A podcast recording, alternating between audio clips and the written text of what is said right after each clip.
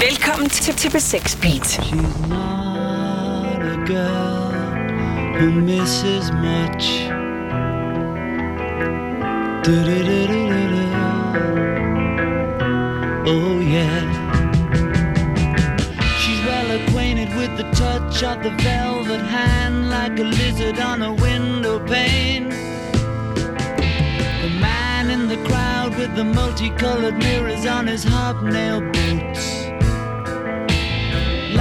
with his eyes while his hands are busy working overtime.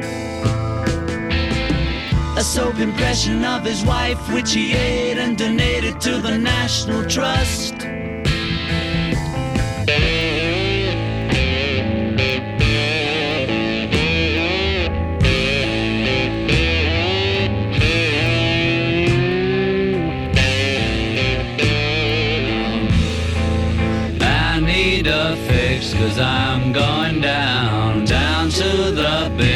That I left uptown.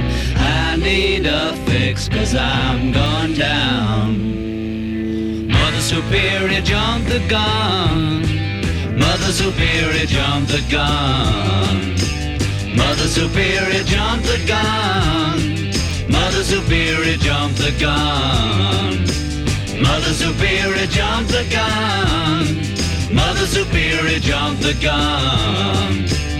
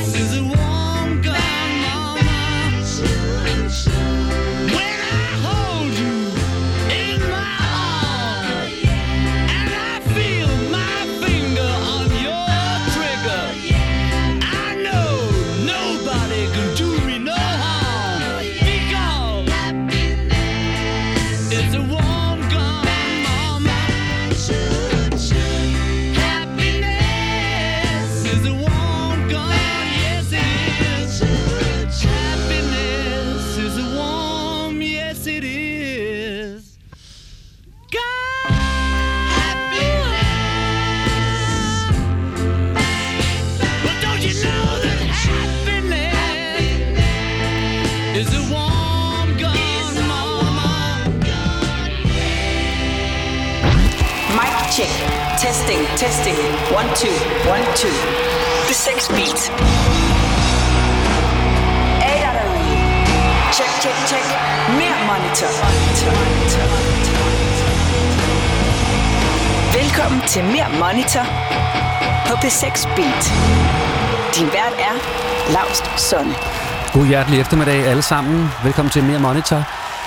Programmet, som øh, elsker live musik overalt. Det er program i hele verden, som elsker live musik mest, faktisk, tror jeg. Med mig i dag har jeg øh, Michael Falk.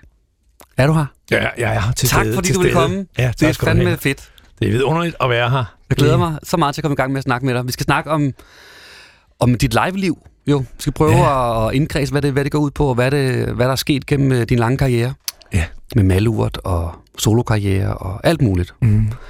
Men først så synes jeg lige, vi skal snakke om den her sommer. Fordi du har faktisk spillet 33 koncerter Jeg tror, altså, sommeren her alene. ja, det, jeg tror, det er min største festivalsommer. Måske lige ud, undtagen nogle malurt sommer, da vi var allerstørst. Men, men Okay. det, det er i hvert fald i min, min, min nyere tid, er det klart rekord. Fedt. Så og det- hvordan, hvordan er det gået? Det er gået rigtig, rigtig godt. For det første, jeg var så dristig at kalde turnéen Grænseløs Sommer.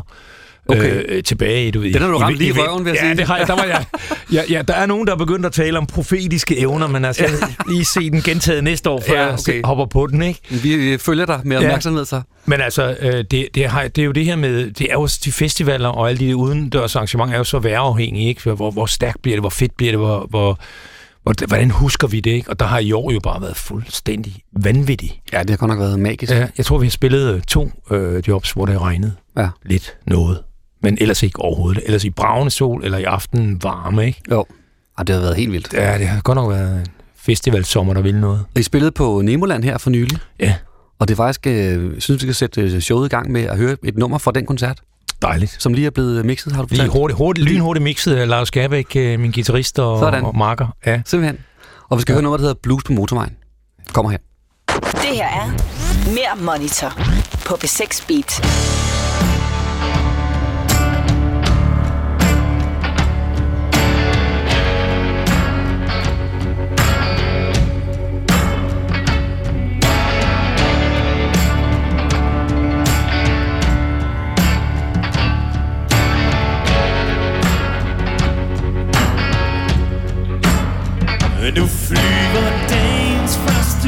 Forud I Toget morgen gry, den pølser på mor Imens vi menneske menneskekærligt leger fremtid. I morgen trafik på byen. Det er i hvert fald det vi tror.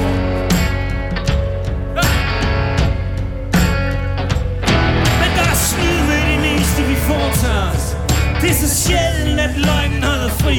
Sig mig lige.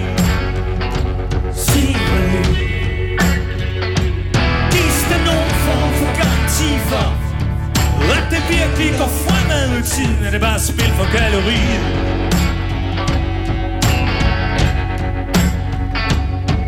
Nu er der nyt fra trafikken, godmorgen. Der kug i mine snej Og blues ud på motorvejen Og der er en stor sol på vej over kant Og der er en måne på vej ned lys er bare lånt Oh, jo. Og Armstrong, sig det nu ærligt Var du så på månen dengang dopet helt til mål? Oh, jo. Og bare tanken om, at sandheden bliver skjult for os Og vi elsker en god konspiration Vi vil forføre os af nogen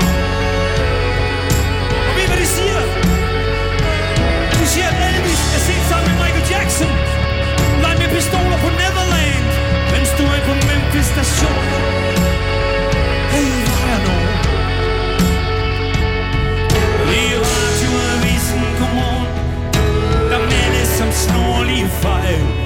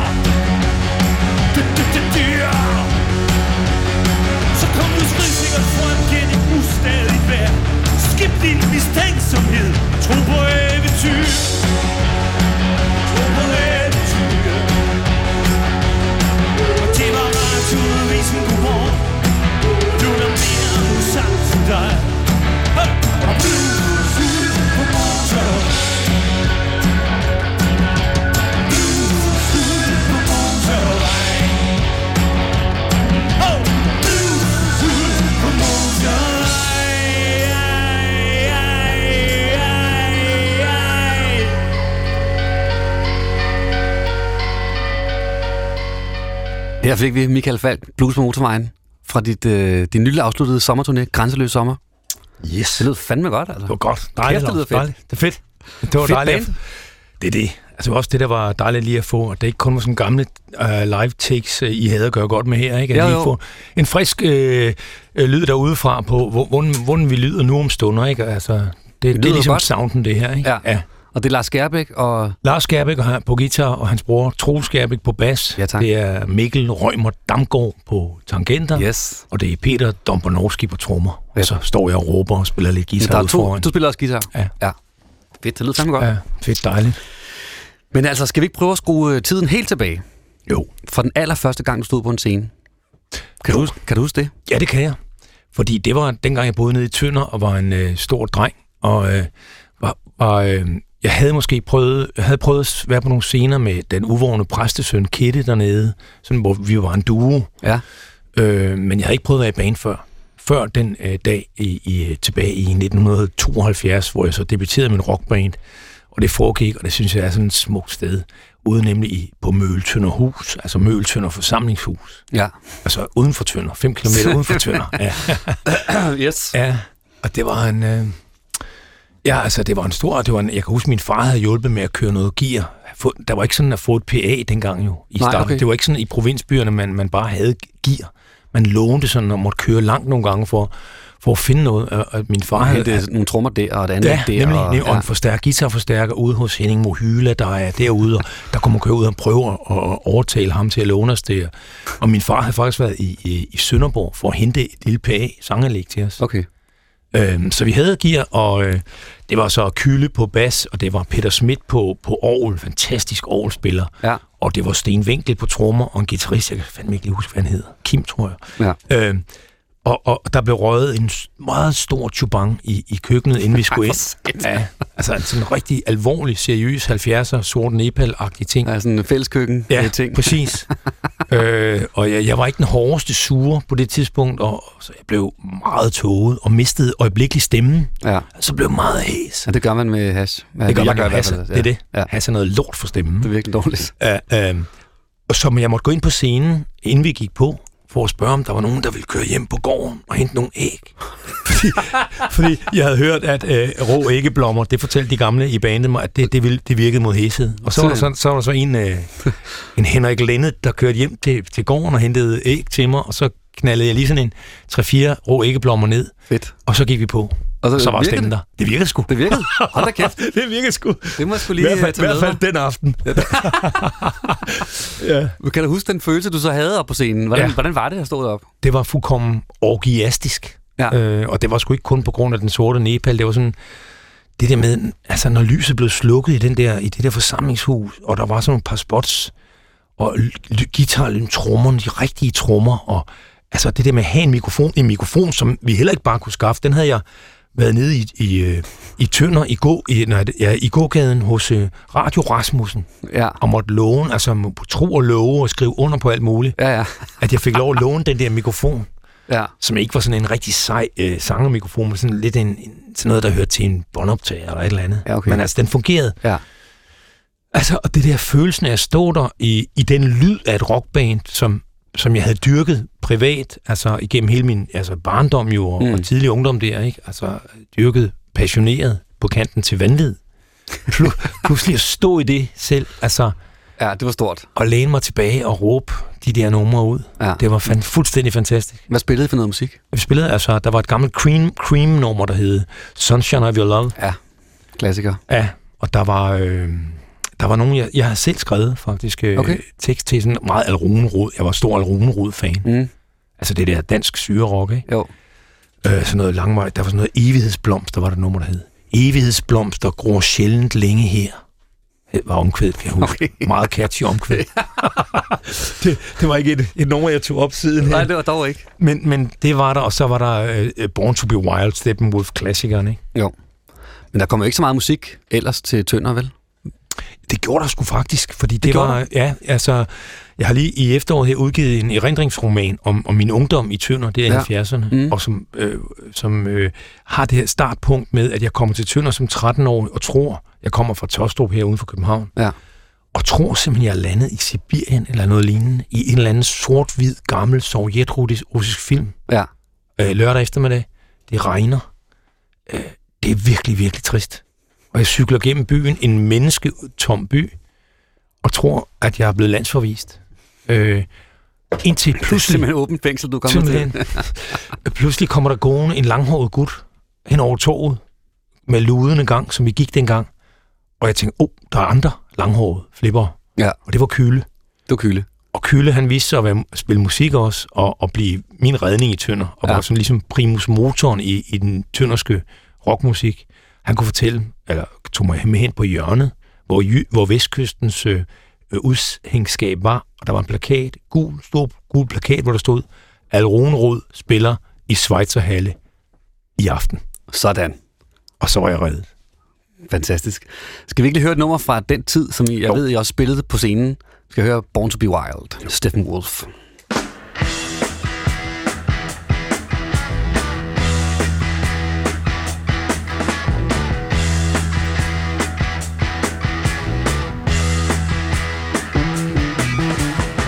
Your motor running.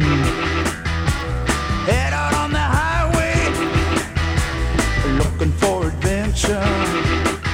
And whatever comes our way. Yeah, make it happen. Take the world in a loving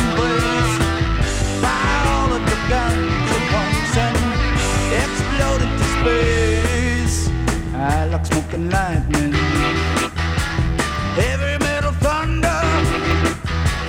racing with the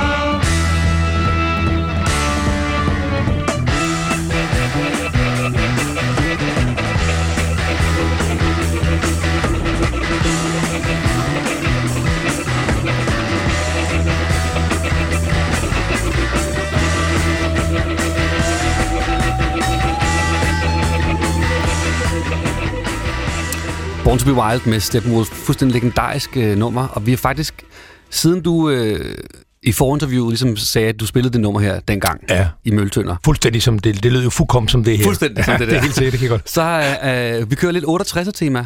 Vi startede også med Åh, Happiness is. Warm Gun med Beatles. Ja, det var også fra 68. Som gav Og gåsehud, altså. Og der, der kommer flere ting under, undervejs Skønt. fra 68. Det bliver, det bliver godt. Skønt. Men øh, du, nu fortalte lige, at du har været ude at spille hele sommeren. 33 koncerter. Ja. Hvordan øh, forbereder du dig til sådan en øh, lang turné? Jo, men altså, da jeg kunne se den her turné øh, øh, tårne sig op ude i horisonten, så kunne jeg godt se, at det nyttede ikke at komme ud der i festivalland med en øh, god sæk foran og, og en puls, der kom alt for hurtigt op i det røde. Så jeg kunne godt se, okay, jeg var nødt til at skrue op for mit træningsniveau. Ja. Øh, så, så allerede i oktober begyndte jeg jo i fitnessklubben nede i Korsør, øh, hvor jeg har, jeg har boet i en årrække derude ved Storebælt mellem Korsør og Skelskør. Ja. Jeg er lige flyttet til København igen nu her. Velkommen. Øh, ja, tak skal du have. Jeg prøver at blive urban igen, ikke? Somehow. I skal nok gå. skal nok gå. Og så, og så skruede jeg op for træning med mit fodboldhold. Øh, vi har derude i Boslunde Boldklub, hvor jeg har, har holdt til. Har, har jeg, der er et, et veteranhold, og så er der de unge hold. Så jeg begyndte at træne vintertræning med de unge. Mm. Altså, så har jeg simpelthen gennemført hele det der øh, intensive træningsprogram for seriefodboldspillere der. Okay. Så, så jeg kunne møde op i øvelokalet i, i, altså i, vil jeg sige, efter mine begreber, rigtig, rigtig god form. Simpelthen. Ja. Hvad så, hvad så når, I, når I så står i lokalet? Hvordan, øh, hvordan tager, I, så, tager I fat i, i tingene? Ja, så har vi jo nu, øh, altså Skærbæk-brødrene og jeg har jo arbejdet sammen i, i 12 år nu, og, og altså vi har jo selvfølgelig haft alle mulige faser, vi har været i, fordi da vi, øh, jeg havde jo lige et par år, hvor jeg var i et break, og, og var ligesom ude og rydde, rydde lidt op i mit liv og i mit sind, og jeg ved ikke hvad, og da Ja. jeg så kom tilbage igen, i øvrigt med en plade produceret af Jakob Benser, som Nemlig, jeg ja. tror, du kender lidt til. Ja, Øh, det ringer, ringer en klokke. Ja, gør det ikke det? Jo. jo. øhm, falder det nu, så, der, så der, der teamede jeg jo op med Boatman Love, som var Skærbæk-brødrenes ja. band. Øhm, og der var vi jo ret stålsatte oven på det album der, på at gå ud og være altså meget mere rock end pop, øh, og, og gå til grænsen med mange ting. Mm. Også sådan lige måske demonstrativt nok, vil, no, synes, tror jeg nok, nogle festivalarrangører synes. Yes. Øh, men, men altså, øh, der, så der siden har der jo været alle mulige faser, hvor, hvor, hvor, som du ved, det her med, at man får, man får hele tiden nye visioner for, hvad næste step skal gå ud på. Mm. Altså, hvad, hvad, hvad er det for et kapitel, vi er inde i? Hvad er det, vi lægger vægt på? Hvad, hvad, hvad er det, vi drømmer om at lyde som? Og hvad, hvor vil vi gerne have det hen? Og der tror jeg mange gange, jeg har, jeg har tænkt, at vi har stået på festivalpladserne og været lige lovligt larmende. Ja. Altså på en måde, sådan, sådan den der grummelarm. altså den der, hvor man kan se, okay, dem der ikke lige Det gør, er til den det gør slags... ondt, det der noget, øh, ja. Den rammer lige... nu, nu skal de nok ud og have en fadbamse i stedet for lige om lidt, ikke? hvis ja. ikke der kommer et meget stort hit. Ja. Øhm, og så fordi, når man spiller festivaler, så går man jo også ind på nogle vilkår rent faktisk. Ja, det, det kan være op, lidt op ad bakke, ikke? Jo, Og- altså, det kan det. Ja. Altså, øh, fordi altså, jeg, jeg er i en position, jeg har ikke de der øh, sene aftentider, øh, øh, øh, altså, som, som heller ikke altid er lige lette, men, men, men, men det tror vi andre, der ligger lidt tidligere i programmet. Vi, men, men vi skal ligesom holde på folk, og vi skal samle folk, og måske den her sommer er der jo flere, flere øh, festivaler, vi har åbnet. Okay. Det vil sige, der skulle jo ligesom, være, ligesom trække folk til, og Simpelthen. få festivalen i gang. Ikke? Ja. Og der bliver prøven jo, at øh, består så i, at øh, for det første at få lukket nogle folk til, så pladsen bliver fyldt, så man ligesom har fået den, øh, fået den i gang på en Ja. ordentlig måde. Jo. Og altså, hvordan gør man det øh, bedst muligt, når man nu er mig? Det gør man, øh, har vi så den her sommer, har vi sagt, okay, nu accepterer vi de der festivalvilkår. Ja. Det er et gedemarked, vi skal ud på. Det er et supermarked. Folk går fra det ene til det andet, og det kan være, at de er kommet for at høre Aqua, eller Dizzy, eller LOC, eller Hush, eller hvad ved jeg, Ja. øh, eller mig. Men de, de er i hvert fald en bred skare, en, en meget sammensat skare. Hvordan får vi bedst muligt en krog i dem? Det gør vi ved at spille de mest kendte numre. Simpelthen. Så kan det godt være, at det ikke bliver... Øh, altså har vi så valgt ikke at spille dem i sådan i, nødvendigvis i, i originalversioner, men i sådan en, en, en opdateret, måske benhård version, Ja. Som vi, jeg tror, vi kan sige, vi lykkedes med. Det, det, det er Ja, jeg de- sikker på. Det de lyder blev- i hvert fald, som om vi lykkedes ret godt. De kom, og de blev. Hørte det før. Ja, fedt. Der var ikke så mange, der skred. For eksempel et nummer, som hedder Vogt dig. Ja. Hvordan, øh, det er jo også sådan interessant. Hvor- Hvordan er processen fra studieversionen til det, der så ender med at blive live-versionen? Hvordan er den proces, man går igennem der? For den skal jo ligesom Ja. tilpasse noget, et, et, en, en, en scene, tilpasse et live-orkester og så videre, så videre. Nem, nemlig, ja, det, det er jo sådan et meget teknologisk nummer, som, som begyndte nede øh, i, i mit øh, i stråtægte bindingsværks idyl derude ved Storebælt. Ja. Jeg sidder og leger med groovet der og, og finder det, og begy- har den der idé om det. Sådan min, jeg havde en bedstemor oppe i, i, i Jylland, som altid sagde det der, øh, når hun, hver, hver gang der var sådan en familiefest, så tog hun mig lige ud i køkkenet, og så sagde hun til mig, Bette med Karl, vog dig for træk vind og klat gæld og kys i kroge. Ej, hvor sagde det? Jeg blev pisse bange. Ja, det kan jeg godt forstå. Men hun så åbenbart et eller andet faresignal i mig, så hun ville lige nå... Hun kunne se, the- the force was working against nemlig, you, ja. Nemlig, nemlig. øhm, og, så, og, og det der vog dig, det, det, det har ligesom siddet i mig, og, og det blev så nu, jeg havde gang i den sang, Og det var så på et tidspunkt, hvor der, der var ved at blive lagt nyt stråtag på mit hus derude. Så der lå sådan to tjekkemand op på taget, mens jeg sad der Og kørt noget og kørte teknologisk. elektronika ja. Ja, ja, der inde i, i mit arbejdsrum. Ikke? Og så er det klart, det, det er ligesom, det kan man sige, det er jo en... Øh, I Malurt havde vi også nogle gange, hvor vi, vi, vi ligesom, vi, gik- vi gik omkring det der teknologi som, som katten om den varme grød, fordi på en måde ville, var vi øh, ja, principielt fundamentalistisk modstander af det. Ja, Fordi vi var rockister. ja. Det var noget, fanden havde skabt Det var noget lort, det og der. kraftværk. Ja. og alle poporkesterne. Men så begyndte vi alligevel at lege med det, og man kan sige, med min allerførste soloplade fra 85, som var min, ja, måske min eneste rigtige popplade, øh, det var en ren tekno, teknologisk plade, Okay. faktisk. Øh, som jeg måske ikke helt blev færdig med, fordi jeg var for udmattet efter halvanden måned til at, med at programmere, til at, få, til at, til at fylde guitar på, som tanken ellers havde været. Men ud kom den. Men ud kom den, ja. Ja. Og, øhm, men, men altså, der kan man så sige, når vi så står i, i øvelokalet nu med det band, som jeg er så heldig at kalde mit, Ja. nu om stunder, så er der jo et eller andet med, øh, hvad kan man gøre her? Man har nødt til at have sådan et nummer som det der, er man nødt til at have et beat, der er ligesom et, et teknologisk beat, der kører og holder, som man har kørende, altså ligesom i tromsleren har sine lapper, så man har et track til ham, Ja.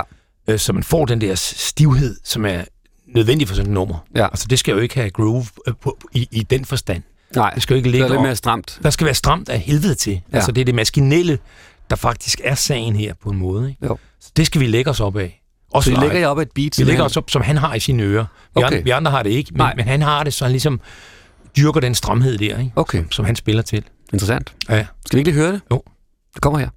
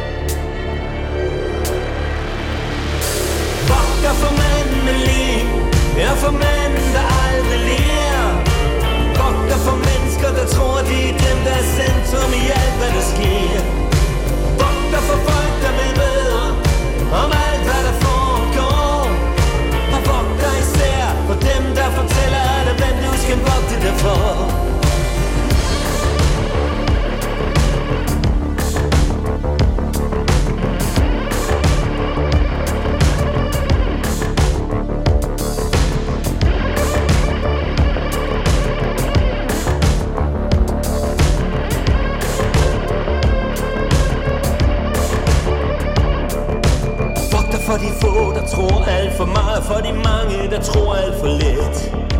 Vogter for os, der tager os selv for alvorligt Og for dem, hvor alt er lige fedt. Vogter for ekstremer Og for det alt for ordinære. Vogter for dig selv Og for de andre især. Vogter for de andre Og for dig selv især.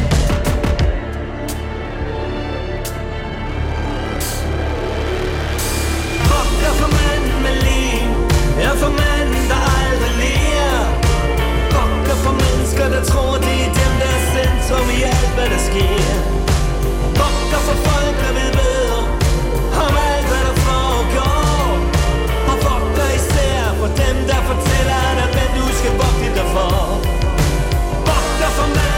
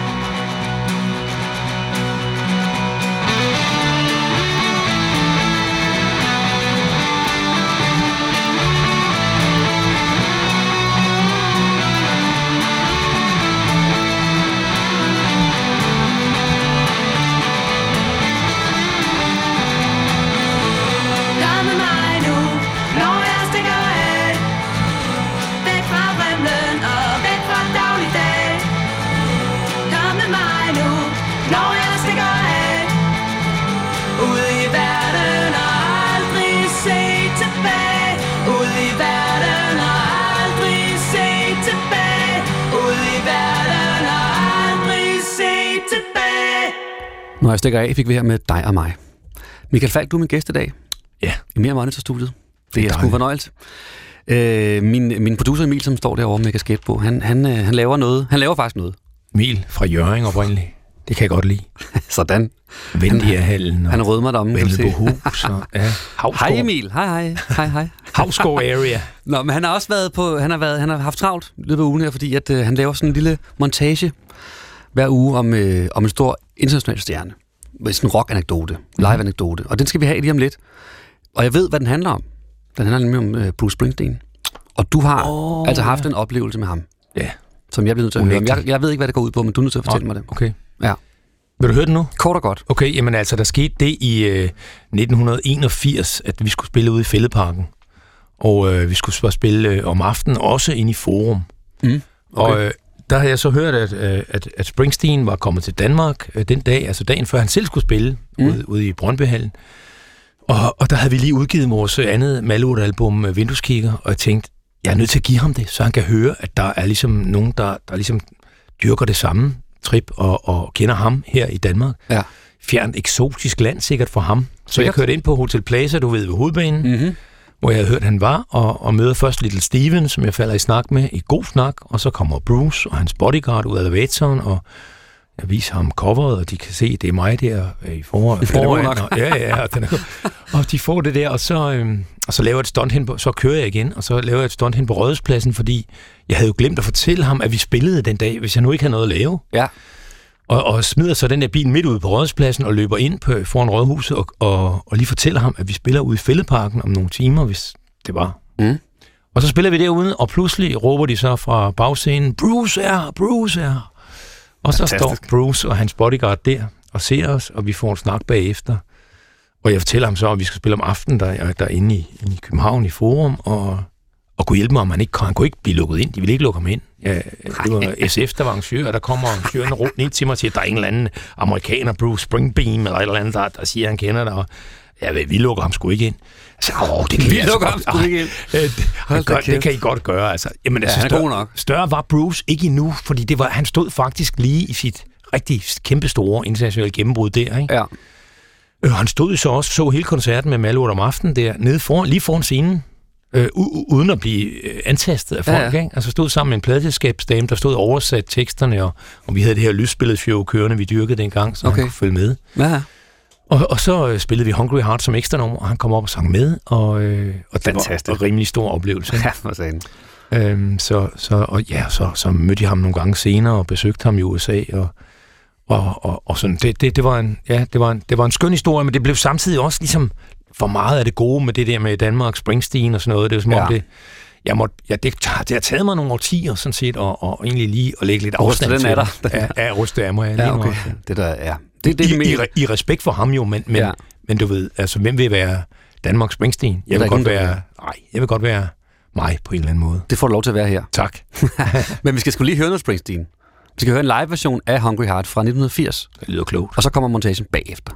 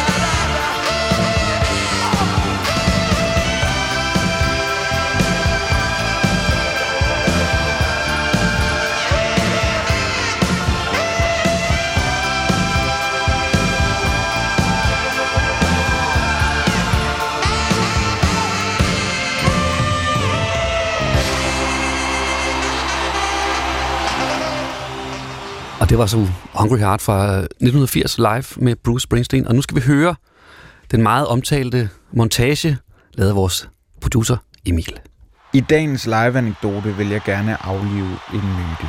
Det er den myte, der handler om, at for at være en rockstjerne, så skal man bare være et dumt og et arrogant svin. Man behøves faktisk ikke at være led over for sin bror som dem her.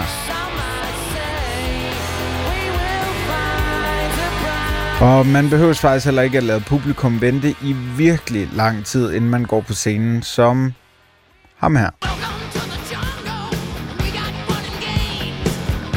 Det kan faktisk lade sig gøre at være en rigtig god fyr og så være rockstjerne. Og det er ham her et levende eksempel på. Gonna leave me wasting away the streets of Philadelphia. Ja, listen med eksempler på Bruce Springsteens vanvittige overskud er nærmest lige så lang som hans sætlister. Der var eksempelvis dengang, han hævde en fyr op på scenen, der lige var blevet dumpet, gav ham en kæmpe krammer, og dernæst spillede I'm Going Down.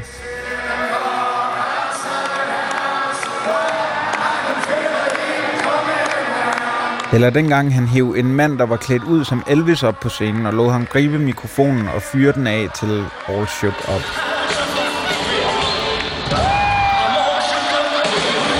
Men for virkelig at forstå, hvor cool bossen er, så skal vi et smut på strøget.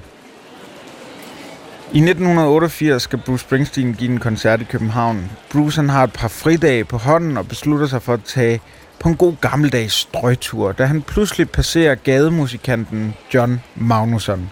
John har tilfældigvis og heldigvis to guitarer med sig, og Bruce tilbyder at tage den ene, så de sammen kan give et par numre for tilskuermængden, der bare bliver større og større.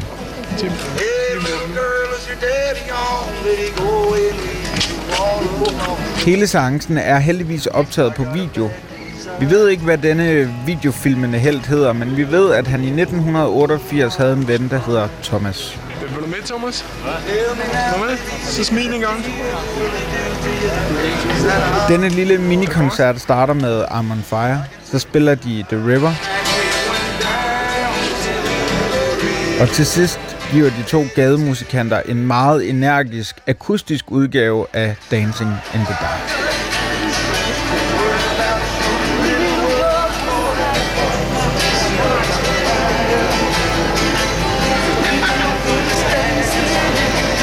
Alt det her ender selvfølgelig, fristes jeg til at sige, med at Bruce giver en kæmpe krammer til sin nye ven, lægger nogle penge i hans hat og opfordrer alle andre til at gøre det samme. Åh, Brucey. Dejlig historie. Han har skrevet nogle gode tunes, Bruce, og vi skal høre uh, en af mine yndlingssange med ham, som er faktisk ret gammel efterhånden. Den er vel fra 1980, Den er ja, fra samme øh, album som Hungry Heart. Ja, fra 80, The River. og det er titelsangen på, fra albumet The River. Det kommer her.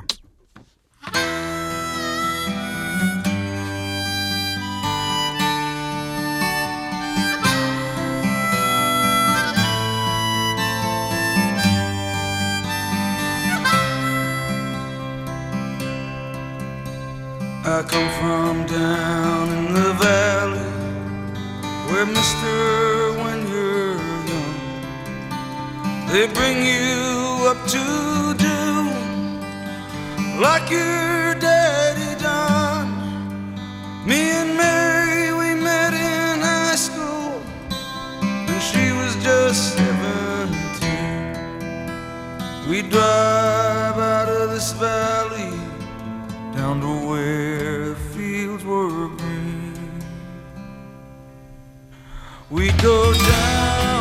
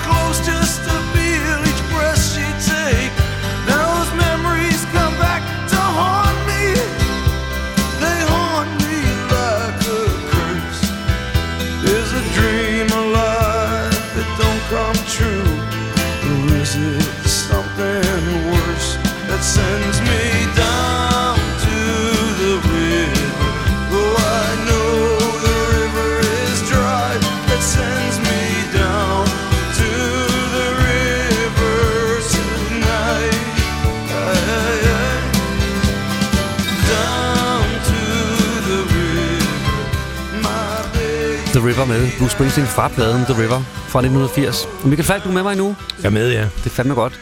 Det holder vi. vi, øh, vi har jo altså over en hel time nu. Så vi skal nå, nok nå så sænker jeg. Det var godt. Det var godt. Øh, og hver uge, der er det sådan, at jeg, jeg tager sådan øh, enten et band med, jeg gerne vil anbefale, eller en specifik sang, eller et eller andet. Og, og i dag har jeg taget øh, en sang med Neil Young med, Oh, der hedder On The Beach. Det synes jeg var et rigtig, rigtig godt valg. Jamen, det kan jeg forstå, fordi vi ja. Ja. talte lige om det, mens musikken spillede, og, øh, og du har faktisk et øh, specielt forhold lige præcis til den sang. Tilfældigvis, vil jeg sige. Ja, altså, altså nu, nu uh, siger du, det er sangen On The Beach fra albummet On The Beach, Ja. som... Øh, Spiller The River fra The River, vi spiller On The Beach fra On The det Beach. Sådan er det. ja, ja. Men den her, øh, den her Neil Young-plade omtaler jeg i, i min bog, min erindringsbog, øh, som udkom her i efteråret, hvor jeg fortæller om øh, ved 70'erne i Tønder, øh, og hvordan det var at, at være der, og bo Mm. mm. der, og leve der, og, og, og hvor den her sang indgår. Altså på et tidspunkt, hvor jeg... Øh, har fået, lige flyttet på værelse nede i Tønder i Vestergade, og har fået den her, som skulle være min hasbule, altså hvor, hvor jeg skulle på en eller anden måde i 3.G bare sådan gå i hundene systematisk. Det var Ja. min plan. Okay, Og der spillede On The Beach for satan. på det værelse der. Og der har jeg sådan en øh, passage i bogen, hvor jeg fortæller og lidt om det, Ja. indtil der så kommer en, en ung kvinde og ødelægger hele det der for mig. Hiver dig ud af hasrosen. ja, det er det. Men altså, det er jo også Neil, Young, Neil Youngs øh, store nedtur i midt-70'erne, Ja, der, der, der starter det hans, det hans ven, Daniel Ray Whitten, er, er død af en overdosis, ja. og han kan ikke rigtig komme, øh, komme ud af det der sump. Han er- flytter på stranden, flytter ud af byen, fordi der simpelthen er for meget gang i den. Ja. Alle steder, hvor han befinder sig, kommer bare folk og hænger ud og fester, ja. Ja. og, og han er jo glad for, at de kommer og kan lide ham, men, men det bliver for meget, ikke? Jo, han er jo, altså Neil Young er jo en, en øh, ham har jeg også mødt øh, øh, inde i, Okay. ja, øh, efter en koncert i, i øh, 82 ude i Brøndbyhallen, øh, hvor han var på den der Trance-tur, hvor jeg blev inviteret med faktisk øh, til deres backstage øh, arrangement inde i Golden Club inde i på Gråbrød Torv. Okay. øh, bandet, og, og så Jan Borges her fra DR og mig. Vi fik lov, fordi vi var så hardcore Neil Young-fans, så, Simpelthen. så, så, så deres management synes, vi skulle med der. Ikke? Simpelthen. Så der spillede jeg faktisk Mød mig i mørket for Neil Young og bandet.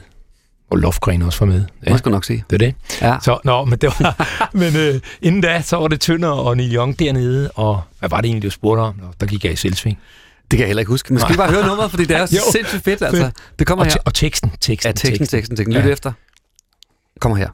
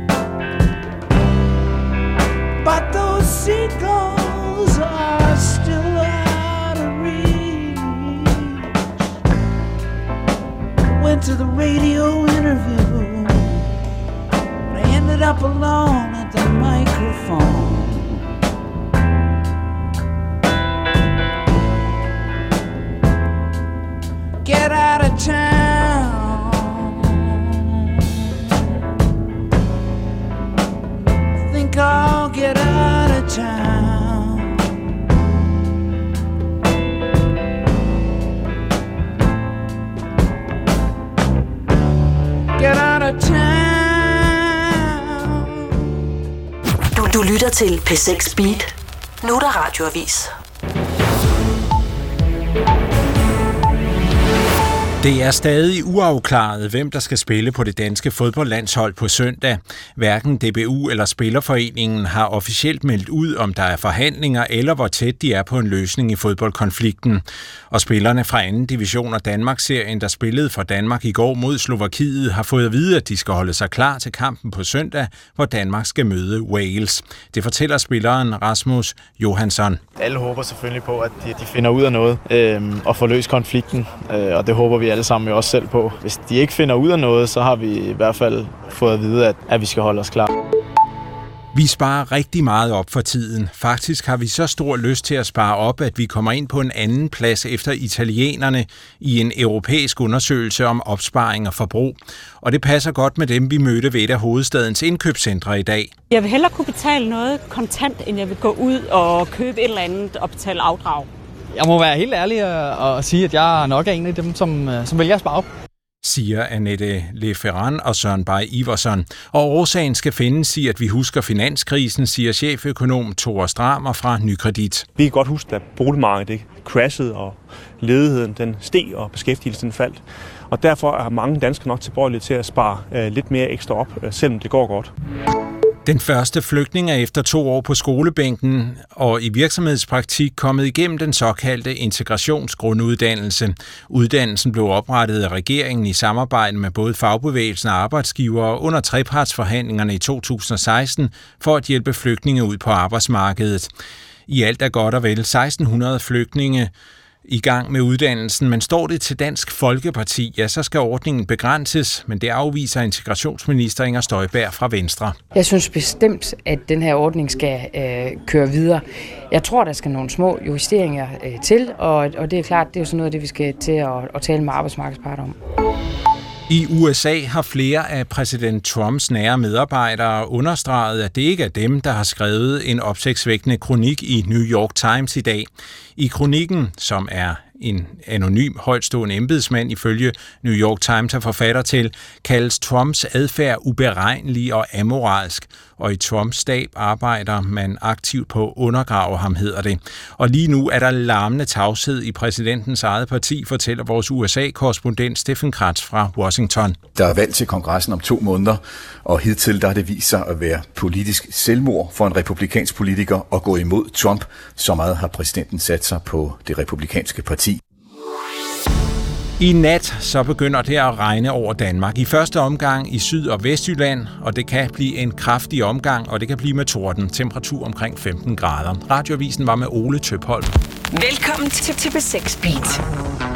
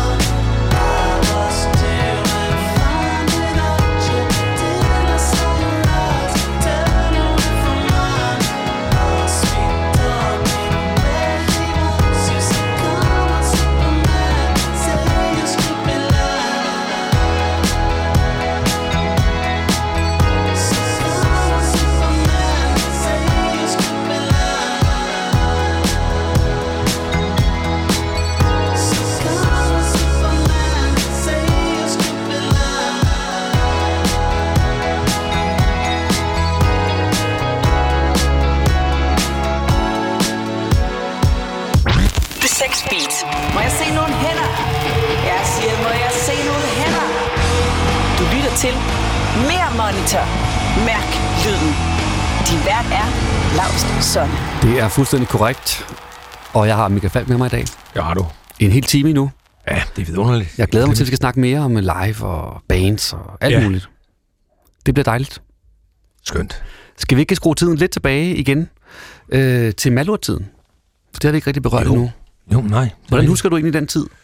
Øhm, som øh, en, fuld, en fuldkommen overraskende, øh, vild, vild, et trip, øh, ja. hvor, hvor ligesom alt, hvad jeg brændte for af, af idéer omkring rockmusik, som fyldte så meget i mig, øh, og, om, omkring hele den der Neil Young-inspiration, hele punken, øh, Clash var en stor påvirkning for mig, Bruce, øh, alt det der, hele den der ånd, og hele, øh, hvad skal vi sige, poesien i det, det øh, teksten, tekstskrivningen og alt det der, det var som Mm. om, Øhm, det, var- det, var, det var et trip at få, få lov at realisere det, altså. Jeg, ja. jeg troede, det var, da jeg kom fra Tønder til København her, jeg, jeg, jeg ved ikke, jeg havde sådan en fornemmelse, jeg troede, dem, der kunne blive til noget ved musikken, det var sådan en helt, helt anden slags mennesker. Eller Jeg, troede, jeg havde en eller anden idé om, at det, der skulle man være fuldstændig anderledes ja. slags menneske. End dig. End mig. Ja.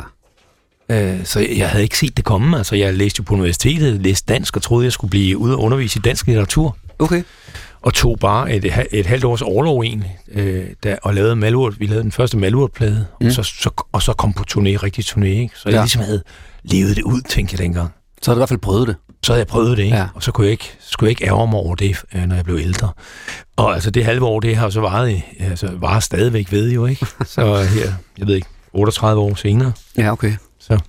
Hvordan, øh, hvordan var stemningen til de koncerter? For I var faktisk, øh, altså, hvis ikke det største, så et af de største rockbands i den periode der. Vi, faldt jo, vi kom jo lige der i perioden, øh, sådan lige øh, efter punken, og, og vi, der, var, der var sådan i, i dansk rock et eller andet, der var et, et, sådan et, et, et, et, et, øh, en passage mellem gasolin og DRD, ikke? En lille sprække. Hvor, hvor vi, en lille bitte sprække, sprække, hvor vi lige kunne gå ind og fylde, forsøge at fylde lidt. Ikke? Og der var altså i de år der, vi, øh, vi fik rigtig hul igennem i 81 der, og øh, med, med Windows Kicker albumet, og så blev, blev vi sådan rim, rimelig stort navn i, i, i 82, 83, 84. Ja.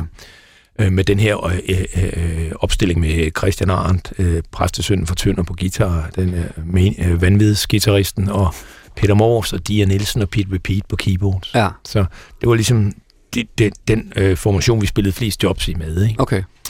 Og der var, jeg kan huske, jeg kan så huske sådan gennem, det rigtige gennembrud, det var egentlig Roskilde, Orange Scene i 81 på Roskilde. Okay. Hvor vi havde en aftentid der, fredag aften, og, og hvor, hvor det bare var som om, altså der står de der eller andet 40.000 mennesker, ikke? Og, ja. og, og, og mørket falder på, og, og det er fed scenelyd, og, og det hele funkede for os lige den aften. Det var simpelthen, det var, det var simpelthen som om øh, alle drømme gik i opfyldelse der, ikke? Ja. Det, det her, det er det, jeg har drømt om. Simpelthen. Øh, ja, og det- den, den, øh, den aften, den, den er ligesom, den er svær at overgå på en eller anden måde, fordi det er der, det der førstegangsoplevelser, de, de, de Ja, de er bliver svære jo, at slå, ikke? Ja, det er det. De Ja. bliver uforlignelige. Ja. Hvad, øh, altså fortsætter det et par år endnu, og så bliver det måske lidt for meget, eller lidt, lidt, Jeg lidt tror, for jeg, hæftigt, brænd, eller ja, jeg brændte ud i 84, var jeg ved at være brændt ud. Jeg levede for hårdt, og øh, øh, for alt for lange nætter, og alt for øh, meget gang i den. Og, Mm. og jeg ved ikke, jeg havde sådan en eller anden... Jeg var manisk på mange måder, og jeg har brændt mit lys på i, i alle ender, vil jeg sige. Okay. Så jeg var udbrændt. Jeg troede, det var slut der i 84. Jeg troede også, jeg selv måtte stoppe altså med, med rockliv, fordi okay. jeg troede ikke, jeg kunne holde til det. Og, øh, og jeg troede, jeg skulle til at finde på noget, hvad er det, man siger, et, et rigtigt arbejde. Eller noget Tag den skide eksamen der. Ja, nemlig. det. Få afleveret det special, og så Ja. komme ud og undervise nogle studenter. Ikke? Ja, simpelthen. Vi skal snakke mere om det der øh, rockliv lige om lidt. Men lad os høre noget, øh, noget malurt. Vi har fundet en, øh, en live-version frem af Sort Søndag. Fra 84 faktisk. Okay, ja. Er du frisk på at høre den? Det er jeg. Nørrebrohallen, kan jeg huske. Nørrebrohallen? Ja, vi lavede- stærkt. Ja. Lad komme her.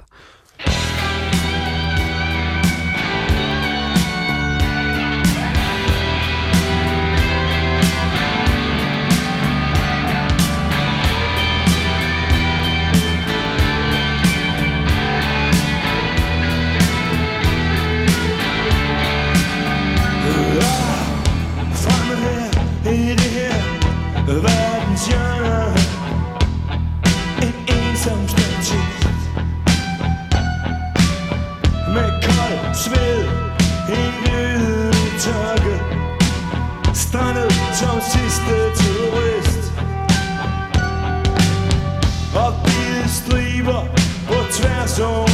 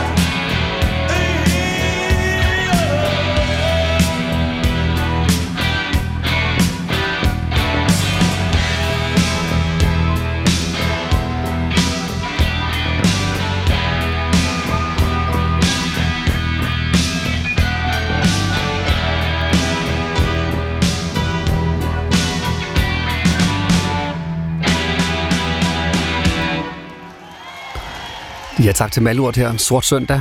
Liveoptagelse fra 84 i Nørrebrohallen, København. Du, du synes selv, du lyder lidt træt der, Michael? Ej, jo, det var ikke meget stemme, jeg havde i hvert fald, men, øh, men øh, altså, det var et problem for mig dengang, jeg, jeg, jeg ligesom blev hæs af helvede til, men altså, hvordan kunne man blive andet, når man øh, ja, festede, og... festede igennem om natten og brølede løs på scenen, og, og, og sådan, altså, det kunne ikke være anderledes. Øh, og altså, mm, du synes jo ikke, det lød sådan helt forkert. Overhovedet ikke. Nej, men det er selvfølgelig, når man ved, jeg ved, jeg ved jo, hvordan jeg havde det her, ikke? Altså, Jo, jo. Og så kan jeg jo tolke alle mulige ting. Sådan er det jo med, når man hører sin egen sange, altså kan man, genkalder man jo den Tiden stemning, også, tiden ja. og stemning, og hvad, hvad, hvad var ens tilstand der, ikke? Jo. Men altså, med Malurt, og med den her øh, øh, formation af Malurt, var, havde vi jo fandme nogle øh, fede, fede turnéer, ikke? Jo. Og, øh, det her var sidste job, øh, øh, før vi gik i opløsning. Nå, så, ja, så det var direkte efter et par numre, efter det her, ud i omklædningsrummet, og lige bælle en kasse øl, og så øh, var det slut. Så, jamen, så tak, Ja. for, tak for det. Ja. Det var godt nok vildt. Så, ja. Så okay. jeg brugte også det sidste, jeg havde i mig på, på den her liveplade her. Ikke? Ja. Okay, men du, du fik også senere i 90'erne og 0'erne, der havde du et, også en, en, en, der gik det lidt ned med fladet der. Ja. Og jeg læste et interview med dig på et tidspunkt, hvor du udtaler, at det var først, da du ligesom samlede familien sammen og sagde, prøv at høre, jeg har, jeg har simpelthen ikke tid til at drikke nok, når jeg er sammen med jer, så derfor så flytter jeg i en campingvogn, så nu, for nu skal jeg virkelig have tid til at drikke. Ej, så, sådan sagde jeg det ikke. okay, jeg, det sagde, sådan- jeg, jeg, sagde, jeg, jeg, jeg, jamen, det er rigtigt. Altså, jeg, jeg, jeg havde fundet en campingvogn. øh, Vi boede nede i Kalvehave der på Sydsjælland, på en gård og Crazy Horse Farm. Uh, og, og, så havde jeg fundet en campingvogn over på den anden side af Mønbroen, mm. og så kunne jeg, tænkte jeg nemlig, at jeg kunne jo godt mærke, mit øh, drikkeri på det tidspunkt ved at gribe om sig, og jeg var, jeg var ved at blive ligesom mine egne forældre jeg var endt. Altså, jeg var på vej den vej, og, okay. og hvis, hvis jeg kom til at og, og øh, skabe de samme problemer for mine børn, som mine forældre havde skabt for os, ja. så ville mit liv være en tragedie. Ja. Så jeg tænkte, logisk er det bedre, at jeg lige flytter mig fra dem. Ja. Så, men så tæt på, at de kan besøge, vi kan besøge hinanden, og, og, og, og sådan, at vi ikke forsvinder ud af hinandens liv, men at de ikke skal involveres i det der. Ja. Så jeg sagde til dem, jeg har ikke min frihed her. Og så spurgte en af mine piger, din frihed til hvad? Dong, så faldt 10 først, Ja. ikke? Så faldt 10 først, Ja. der forstod jeg selv, okay, Det var der er, noget, der er noget, der er løbet fra mig nu. Ja. Lad os få stoppet det. Og det fik og du? Det fik jeg heldigvis, ja. Ja. Thank og, God. øh, min kollega Jakob Benser, som vi også omtalte tidligere, han var med til at lave den første plade, som ligesom sagde han i hvert fald til mig, at det var, der var du på vej ud af af perioden, eller var du ude af perioden der, eller hvordan? Ja, der, der, det var, det var, der var jeg sådan ligesom havde levet ædru og clean i, i nogle år, ikke? Og, Okay. og var ligesom på vej tilbage til altså at ture, øh, øh, rode mig ind i musikken igen. Øh, og jeg kan huske, at Kopper, øh, Jacob Binds og jeg, mm. vi mødtes første møde, vi havde, det holdt vi ude på Valby Bakke på en bænk. Fordi jeg havde sådan, jeg, jeg ville ikke ind i København, øh, fordi det var for hektisk. Altså, jeg, jeg skulle ikke risikere at ødelægge min sindsro, så vi, vi holdt simpelthen første møde derude, okay. hvor vi aftalte at, at lave, lave det her album sammen. Falder du nu? Ja, med Boatman Love. Men, ja, de var med på en del af det, ja, Ja, og så, okay. så kom de med som liveband øh, efter, det, Okay. efter det album. Kan du huske, hvordan, øh, hvordan din livsstil ligesom påvirkede øh, de koncerter, du spillede i den periode, hvor du ligesom drak for meget? Ja, der var, altså, øh, det, det, blev, det blev ret hurtigt klart for mig i, den, i tidlig malurt-tid, at, at øh, det var jo ikke nødvendigvis, fordi jeg drak mere end andre, men det havde ligesom større konsekvenser for mig. Altså, Ja. jeg kunne dårligere rumme, jeg kunne dårligere leve med det, jeg kunne dårligere tåle det på en eller anden måde. Mm. Konsekvenserne blev for store. Jeg kom ikke ordentligt tid i seng. Altså, jeg trak den hele tiden. Jeg kunne ikke sige nej. Jeg skulle ah, lige en, ah, lige en enkelt, hele det der, Ja. som er jo er alkoholisme. Ja. Den der afhængighedsting, at man ikke kan sige fra over for det. Øhm, så jeg kunne jo godt mærke, at jeg var nødt til ligesom at gardere mig i forhold til de andre i bandet. Altså, jeg kunne ikke tage en øl til lydprøve, for eksempel. Nej. Fordi hvis jeg gjorde det, så havde jeg taget hul på det, og så kunne jeg ikke vide, om jeg kom til at drikke mig stiv inden. Øh, altså, Koncerten? Nej. For du havde ikke nogen kontrol over det? Jeg, jeg kunne simpelthen ikke, når først det, det en tår, Ja. så var der ligesom, og det ved jeg mange, der har det her alkoholpolymisser, de, de kender det her, ja. at, at vi, vi, der har det problem, vi kan, vi kan ikke ligesom vide, når først vi tager en tår, hvor det fører hen. Mm. Vi kan ikke sige, at jeg tager kun den ene øl, og så er det det. Nej. Færdig det kan man ikke stole på. Det kan man ikke stole Det kan på. man godt sige til sig selv, men man kan ikke stole på det. Lige, lige præcis. Så altså, øh, det blev sådan en restriktion, øh, jeg lagde på mig selv, at, at jeg undgik at drikke før koncerterne. Ikke? Så jeg kunne lige der begyndte der en time før, kunne jeg tage et par bajer og sådan noget. Mm.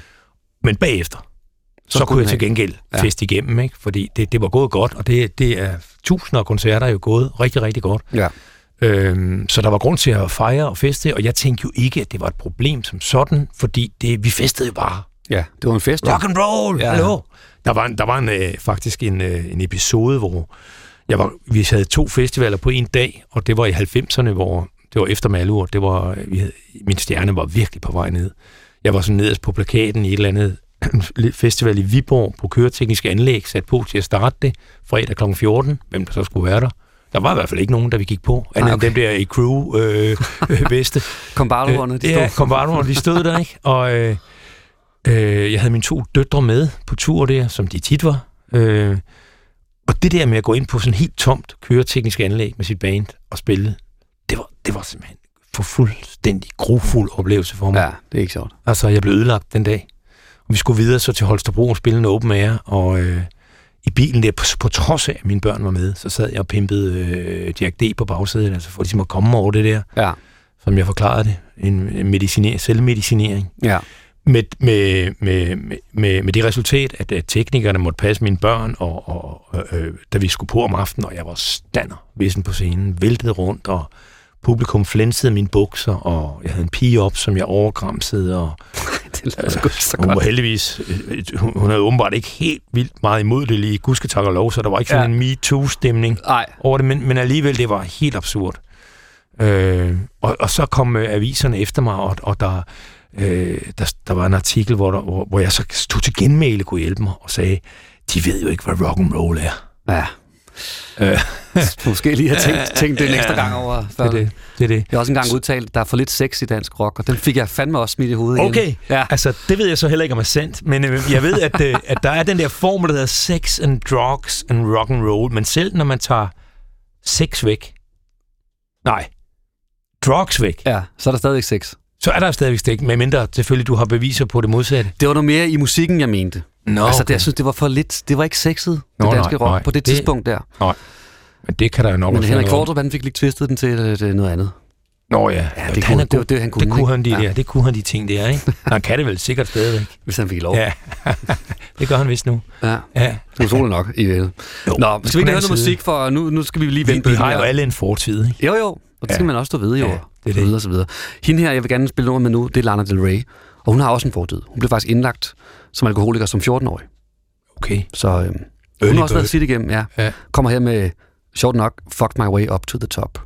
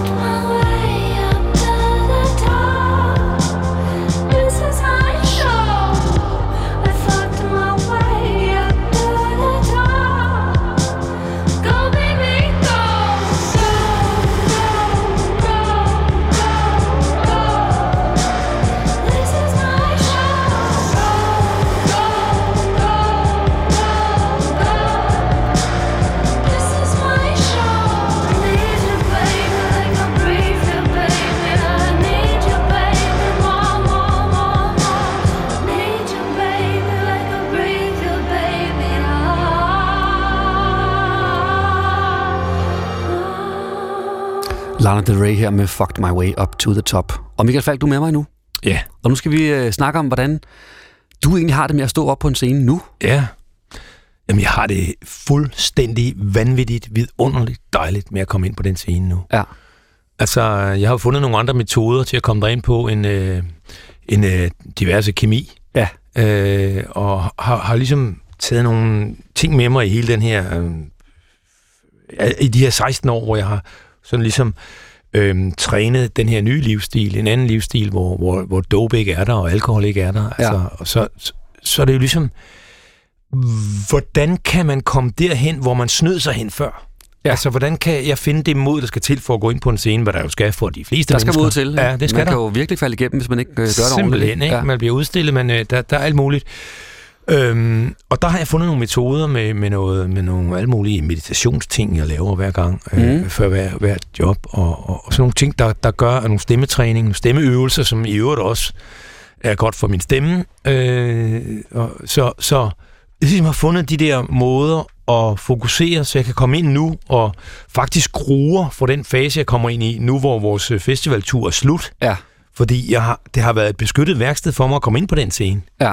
Altså, jeg, jeg, har, jeg er i fred med mig selv, når jeg kommer ind på den scene, også selvom vi er vilde, og vi øh, øh, øh, er der gang i den. Ja. Altså, øh, det er som om, det er, det, det er lige før, jeg vil sige, nu om stunder, at det er der, jeg har det allerbedst, udover når jeg måske spiller fodbold med et barnebarn, eller, eller sådan noget. Altså, Ja. det, det er der, jeg har det. Det er der, jeg fungerer allerbedst. Jeg ved, hvad jeg skal.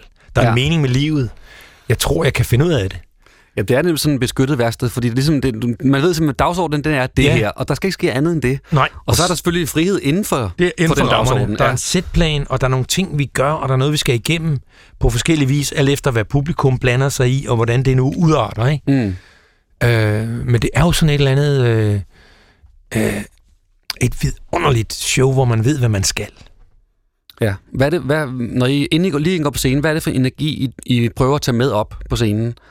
Jeg, nu er det også, det er også noget andet at være et band. Du har ligesom ja. Et fast band, Ja, som også giver Det er en, en, en føle, følelse noget andet end bare at være solist, ikke? Nemlig, altså det, og det er et band, altså det band, som øh, vi kalder det. Øh, det band. Det band, fordi Ja. det kom så, jeg altid sagde, det band, jeg er så heldig at kalde mit. Ja. Så det er bare endte med at hedde det band. Ja.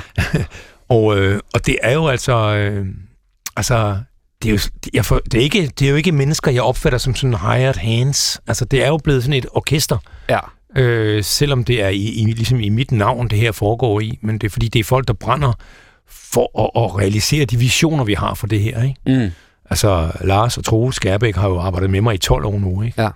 Og, øh, og, og været en stor Det er flere end de fleste bands, kan man ja, sige. det, det er det jo, ikke? Og, og, flere og, og, og, de, og de har jo har en stor, en stor, øh, stor ære, øh, en stor del af æren for, ligesom, at jeg ligesom har fået, fået den øh, øh, en eller anden slags øh, renaissance af en art, ikke? Jo. Altså, så, så, så det er på den måde et fælles projekt, ikke? Og, øhm, og der, jeg, jeg sidder og laver alle mine øvelser i, i, i mit rum, og ja. så, øh, når vi nærmer os showtime, så går jeg ind til de andre, og de har deres ritualer, som absolut ikke er man til mine. Uden at afsløre for meget, kan jeg godt sige, at vi ikke er helt i synk, hvad det der angår.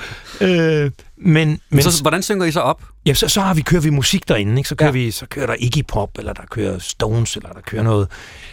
Eller Noget der kører energifyldt. Tame, Tame Impala, eller der ja. kører... Altså nogle af de ting, der ligesom øh, sparker til os i øjeblikket. Ja.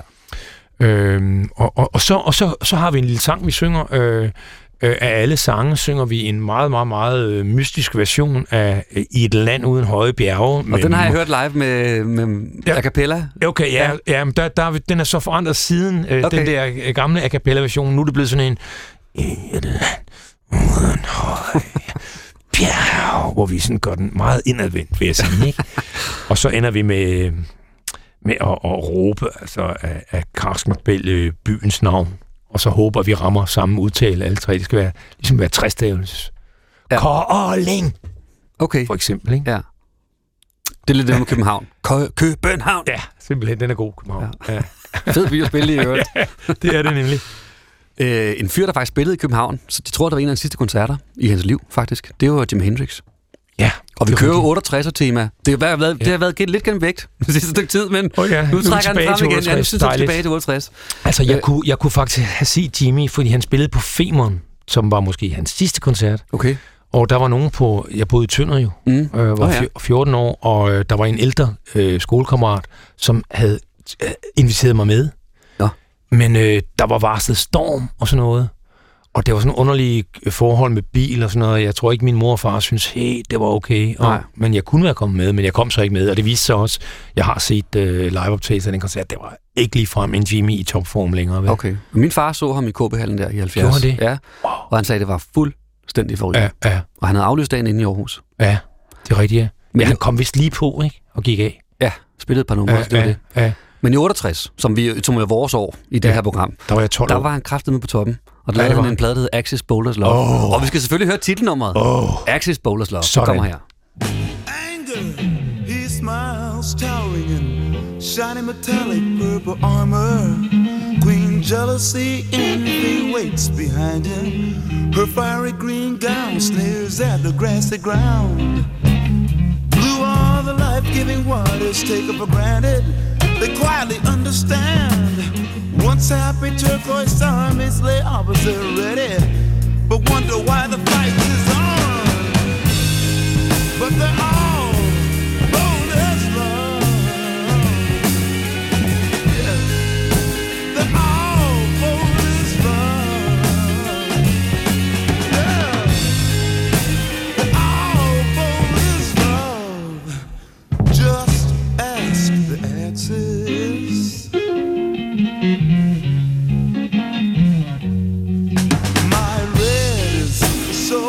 with any flashes, trophies of war, and ribbons of euphoria. Oranges young, full of daring, but very unsteady for the first go round. My yellow in this case is not so mellow. In fact, I'm trying to say it's frightened like me. And all of these emotions of mine keep tolling me from giving my life to a rainbow like you. But I'm a, yeah.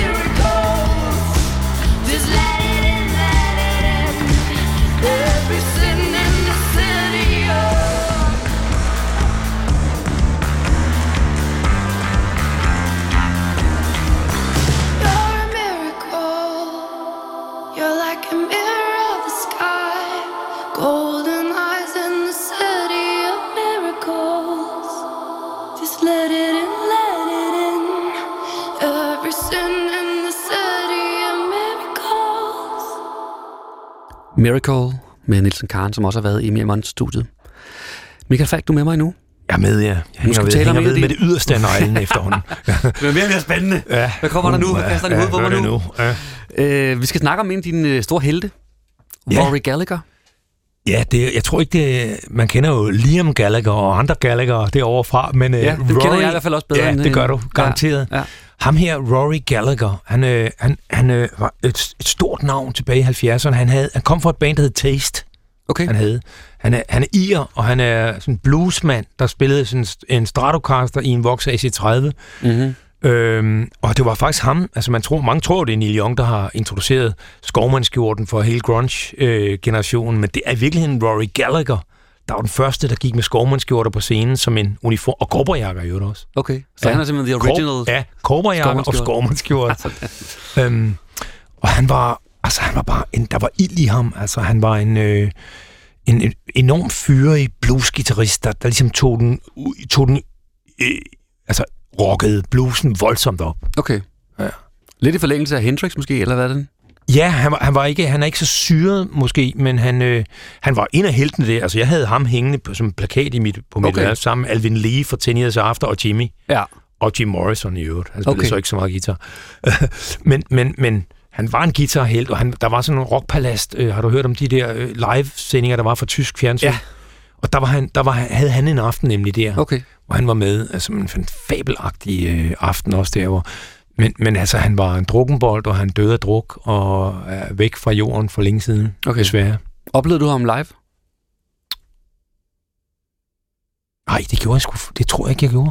Vi, vi, ja, vi var, øh, vi, var, vi var på mange koncerter nede for Tønder, for jeg var med til at arrangere sådan nogle busrejser. Nå. Der var sådan noget højere trafikselskab, som havde busser, som jeg var med til at booke til koncerter rundt omkring i landet, sammen med en lidt ældre kammerat. Okay. Øh, vi så, øh, vi så øh, Mothers of Invention, Frank Zappa i Odense i Forum, Fyns Forum. ja. Vi så øh, Deep Purple i øh, Aarhus, Rigskovhallen. Vi så øh, Jethro Tull i Holstebrohallen. Altså, alle mulige øh, ting var vi ude til. Og så en ordentlig syreflok ind i bussen, og så. Simpelthen, lige præcis. Don't mention the war. ja, det var... Og nu skal vi altså høre Rory Gallagher med hans band Taste, og vi skal høre nummeret What's Going On.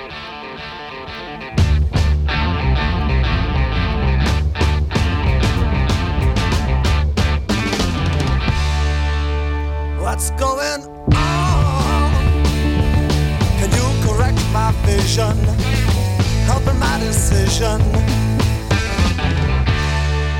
What's going on? You know what I'm needing. You won't find me kneeling.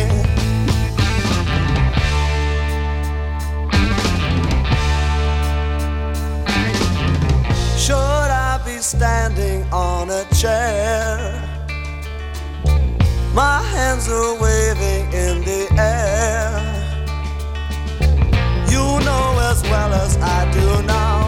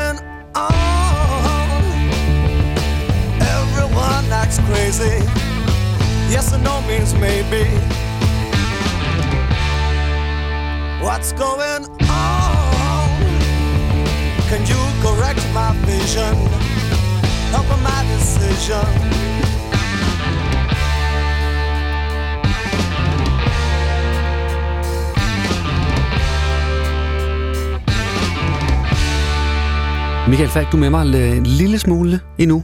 Ja. Vi skal snakke om øh, noget, vi ikke har snakket så meget om, faktisk. Om publikum. Publikum, ja. Som er, Øh, ved du, hvad det er? Ja, ja, jeg har godt set det nogle gange. altså, og det er jo ligesom øh, en faktor i det hele, som er meget afgørende, fordi det er jo publikum, der afgør, øh, hvor vi er, hvor vi kan få lov at være, mm. hvornår vi kan være der, og alt det der. Det altså, altså, uden publikum, så, øh, så holder det op. Øh, og jeg har jo oplevet faser i mit liv i 90'erne, hvor øh, publikum blev mindre og mindre, altså, og, og, og med den øh, sorg, der er i det, og den desperation, det er affødt i mig i hvert fald, at Ja. opleve det. Men til gengæld har jeg jo så også fået oplevelsen af at mærke publikum øh, vende tilbage. tilbage i større tal og, og, og blive større. Altså, og det har jo så også en helt vidunderlig euf- euforiserende virkning, hvor jeg vil sige, når det sker. Ikke? Jo. Hvad er det, publikum gør øh, når, ved dig, når, Ja. du, st- når du står på scenen? Jeg tror, altså, og det, det er lige meget, om jeg er med bandet, eller om jeg er ude solo, altså, så er det jo en eller anden, der ligger en stærk beroligende effekt i, når man mærker et publikum, der vil øh, en, der vil være der, og man ligesom fra, fra starten af koncerten underskriver en eller anden pagt om, at vi er her sammen. Ja. Vi, er ikke, vi er ikke fjender, vi er ikke modstandere. Det, det kan man tit få, hvis publikum er meget tilbageholdende i starten, og sådan meget Så bliver det lidt en, øh, ja, så skal man... Mm. Så, fordi så kommer frygten ind. Ja. Og så tror jeg, så skal vi dele med frygten, fordi vi er jo de fleste mennesker, hvor, hvor, hvor, hvor meget harnisk klædt vi end er i vores rockervest, eller hvad vi ellers skal tage på, så er vi nogle skide bange små mennesker jo egentlig. Ikke? Altså, og hvis den frygt får lov at gribe os, så går det ud over musikken. Musikken bliver sjældent god, når man er krampagtig, fordi man er skræmt. Ja, nej, det, det, så, det er så, ikke godt. Nej, så når man mærker øh, en sådan umiddelbar tilkendegivelse af fællesskab, så, så er det, at man lige slipper den frygt og lader noget andet komme til, altså tilliden. Ja. Og så kan man give, så kan man levere koncerten i en tillids, et tillidsfuldt forhold, hvor man, kan, hvor man ikke aner, hvor det fører hen, fordi det kan, det kan føre til, det kan blive vildt. Ja, det kan blive til hvad som helst. Det, det er det. Ja. Øhm, og, og det er så smukt. Altså at mærke den, altså nogle gange at komme ud fra koncerter, hvor man føler, at man er blevet båret. Ja. Altså det er jo en vidunderlig følelse, fordi det er faktisk fuldstændig magisk. Ikke? Jo. Altså det, det, mm, det er også et hår, det er også dope, ikke? Det er jo også et fix. Det er det. Ja. Og det er, øh, altså, nu skal jeg af, på afvinding nu, ikke? Altså, Festivalsommeren er slut. Der er langt til min solotur i januar, ikke? Ja. Du kan lige nå at skrive en plade, kan du ikke det? Jo, kunne jeg ikke det? Kan du ikke det? Jo, jeg, jeg skal, jeg Du prøver. er lige jeg, flyttet til København, så er der, er noget nyt at skrive om. tror du, der er sang i det? Vi kan mødes på en bænk på Valby og sådan snakke om det. ja. Øh, nej, men altså... Men, men, og så samtidig er der jo, det ved alle turnerende øh, musikere, at der er jo forskel på publikum, kæmpe stor forskel. Jeg har drillet det meget på den her sommertur, at, øh, at nu var vi jo i går i Roskilde, ikke? og der var de med med godt nok op at køre. Ikke? Ja. Og hold det op, hvad kan I så i Køge? Ikke? Ja. Øh, altså det der med, at... Spil dem lidt op mod hinanden. Ja, altså Ja. det der med, at øh, der er forskellige traditioner i forskellige byer. Øh, no, nogle steder er man meget afdæmpet. Ja. Og andre steder, steder er man vant, er der en kultur, hvor man ligesom går med. Øh, altså man har nu hørt vi Bruce her tidligere i programmet, ikke? Hvor, hvor, hvor, hvor, hvor fuldstændig vanvittigt indlevende amerikanske publikum er. Altså Ja. det, det er jo... Ja, de råber og synger og De skriger. synger bare og, hele ja. sangen, ikke? Jo. Altså, øh, og sådan nogle ting, og så snart de lige hører starten af et nummer, de genkender det, så jubler de, og sådan nogle ting der. Der er sådan, nogle, der er Ja. sådan noget i kulturen, Ja. der sådan er meget, det er meget opdraget, de er opdraget i rock på en eller anden måde, ikke? Og det er det jo ikke alle steder, man er det i Danmark. Hvad gør du, øh, hvis du går ind på scenen, og du kan mærke, øh, publikum er ikke med mig endnu? Hvordan, øh, hvordan får man hul på dem så? Jamen, for det første vil jeg få hul på sig selv, fordi det er jo det, altså, når man mærker den der sådan ligesom, at der er, og det kan være ufrivilligt, det, kan, det, kan være ikke, det behøver ikke at være publikums skyld egentlig, men Nej. sådan er de bare den aften i den by. Det publikum og de stole, de sidder på, eller, eller det gulv, de står på. Eller, Ja, det er tirsdag aften, og de ja, op det på er det. arbejde. Lige præcis. Og, ja. Lige præcis. De kommer måske lige fra arbejde. og Ja. Alle de der ting, der kan forklare, at øh, der, der kan være sådan en, en, en afdæmpethed, som med det samme øh, gør, at jeg bliver grebet af frygt. Simpelthen. Hvad gør du så? Hvordan slipper du så Monsteret igen? sætter sig, så bliver det simpelthen bare en kamp om at få det der, den dæmon vristet af min hals. Ja. øh, og sige, det er mig, der har magten. Jeg skal nok sørge for, det er, det er mit ansvar, at publikum slapper af og giver sig hen. Ja. Det er egentlig ikke publikums eget ansvar. Nej. Det er mit ansvar. De skal føres hen til, hvor det er sjovt. Ja, jeg, skal, jeg skal vise dem, at vi kan godt være her, og vi behøver ikke være, vi behøver, de behøver ikke være hæmmet. Altså, så sidder man i en by, altså, hvor, hvor man kender andre, og, sådan, og kender dem sådan, ikke, ikke rigtig godt, men måske, det, det, er jo, det, det er jo hende nede fra apoteket, ikke? og når, det er jo ham med skolelæreren og sådan noget. Altså, Jo, alt det der, jo, jo, alle de der andre spil, der er, sociale spil, der er i en koncertsal. Ja. Det, altså, det skal jo heller ikke være, altså det er ikke kun en god koncert, hvis folk øh, smid, øh, sm- smider fuldstændig øh, går amok. Det kan også være Nej. en dejlig lyttekoncert. Det kan og, det og der kan være masser det jo af det. kærlighed i det. Lige præcis, og det er jo noget, jeg dyrker på mine soloturnéer, hvor det netop er, der, det ender som regel med øh, altså rockagtigt. Ja. Men, men det, der er jo mange forløb inden da, hvor jeg meget gerne vil have det stille. Ja. ja hvor det ikke bare skal være gang i den og hammer og støvletramp, ikke? Altså, hvor vi skal alt muligt poesi igennem, og ja. lyrik og historie og sådan noget. Ja. Altså, hvor jeg var taknemmelig, og derfor spillede jeg faktisk, øh, øh, begyndte jeg at spille for år tilbage, om mandag aftener for eksempel, ikke? hvor man sagde, det kan man ikke. Det må man ikke, ja. Det, det, det må man simpelthen ikke gøre, folk kommer ikke. Men mm. det gør de. Fordi, og det, der, der er man ude over rock and roll egentlig. Ikke? Der er Jo. man ude over festen, fredag lørdagsagtige lille fredag, torsdag og alt det der. Man er ude over alt det der. Man er en helt anden stemning, så man kan noget helt andet om mandagen, end man kan torsdag, fredag og lørdag. Ja, det er rigtigt. En mand, som både øh, fagnede poesien og i den grad rock and roll, det er jo Jim Morrison. Det må man sige, ja. ja. Og alt muligt andet. Og vi kører jo 68 timer stadigvæk. Ja. Det, kan vi, det har vi stadig tid til. Det, ja. Så vi skal høre, at det er et af mine yndlingsdårsnumre. Det, det er sådan lidt... Øh, det er ikke rigtig blevet et af deres største numre i folks sådan bevidsthed, men hos mig. Det var, faktisk, det, det var det nummer, der knækkede koden for mig med Doors. spændende. Og det er fra deres øh, anden plade, Strange Days, og det hedder Your Lost Little Girl.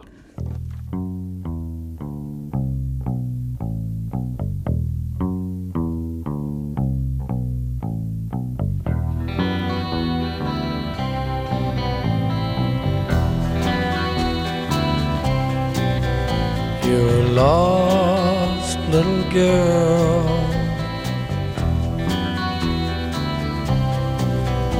You're lost little girl. You're lost. Tell me who are you? Think that you know what to do.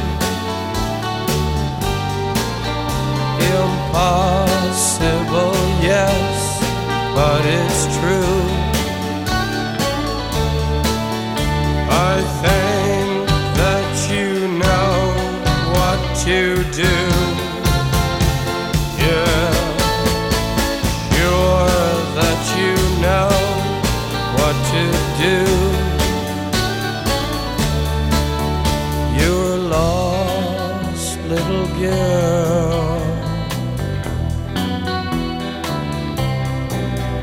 You're lost little girl.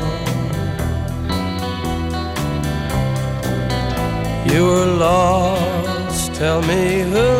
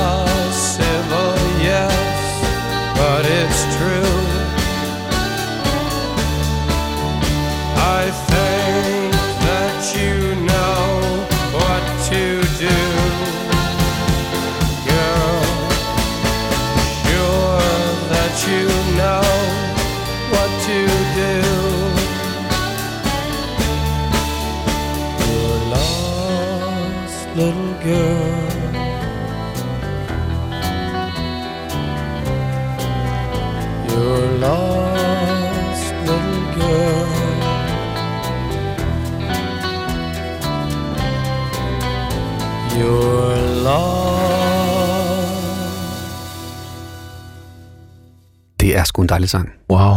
Ja. You're lost too, Jim. Ja, det må man sige, han er. Det var han også, mens han var i live, ja. tror jeg, mange gange. Ja. Men Michael Falk, du har været her næsten to timer nu, og vi skal til at lukke ned. Desværre. Ja, men det er stadigvæk stort at få lov at snakke så meget med et, det er meget rart, et ikke? andet snaksaligt menneske. ja. ja, det har været nemt at snakke. Og det er dejligt og skønt i lige måde. Øh, jeg gav dig en lille opgave, øh, inden du kom her. Det var, at du skulle øh, anbefale et band til lytteren. Nu har vi jo- ja, det er det. Altså, der er jo, det er jo det, det, der sker, synes jeg, når man beskæftiger sig så meget med, med musik, som øh, sådan nogen som vi også gør, mm. så, så, øh, så bliver man jo i nogle perioder overvældet af sit eget, fordi man er så optaget af de nye ting, man er i gang med. Ja. Af sit eget, sit eget, sit eget. At man, man undervejs måske ligesom ikke får hørt så meget andet. Altså, jeg vil sige, jeg er ikke, jeg er ikke vildt opsøgende på ny musik, så det er ligesom, det der drammer mig, det kommer sådan sideværts fra. Og nu har vi hørt Tame Impala for eksempel tidligere her, og mm. det er Mm. et af de bands, øh, som har taget mig med storm her i de senere år, fordi det ligesom er en, øh, der er sådan noget øh, electronica indbygget, men det er ligesom i, som om det er sådan i rockband format. Ja. Det er sådan bands, der spiller som, øh, øh, ja, som rockbands, selvom det er elektronisk, elektronisk meget af det, det der Mm. foregår. Og det inspirerer mig vildt, og det synes jeg er en spændende sådan, øh, flavor at få ind over. Øh, og så er der bands som uh, The War on Drugs, som, har, som jeg har set i Berlin, og som, som jeg er også på en eller anden måde fascineret af. Der, der er sådan et trip i, i deres sound, som, som jeg bare... Øh, ja, det, det tænder et eller andet i mig. Det, det, det, det er moderne med en eller anden tradition i sig alligevel, og det er igen et band, der spiller. Ja. Altså, det skulle du høre. Ja. Det lyder spændende. Ja.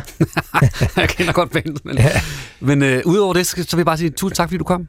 Ja, tak fordi jeg tak, måtte. fordi Det var- du var lækkert at være. Ja. Tusind tak skal I have. Dejligt. Her kommer The War on Drugs med Red Eyes.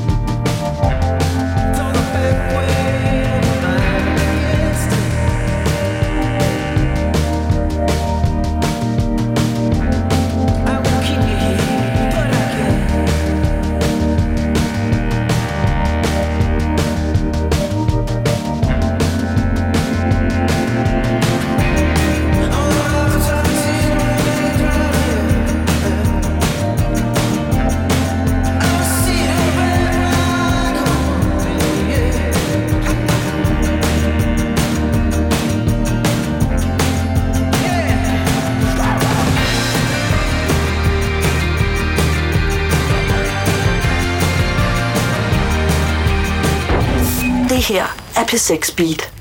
Her er Radioavisen.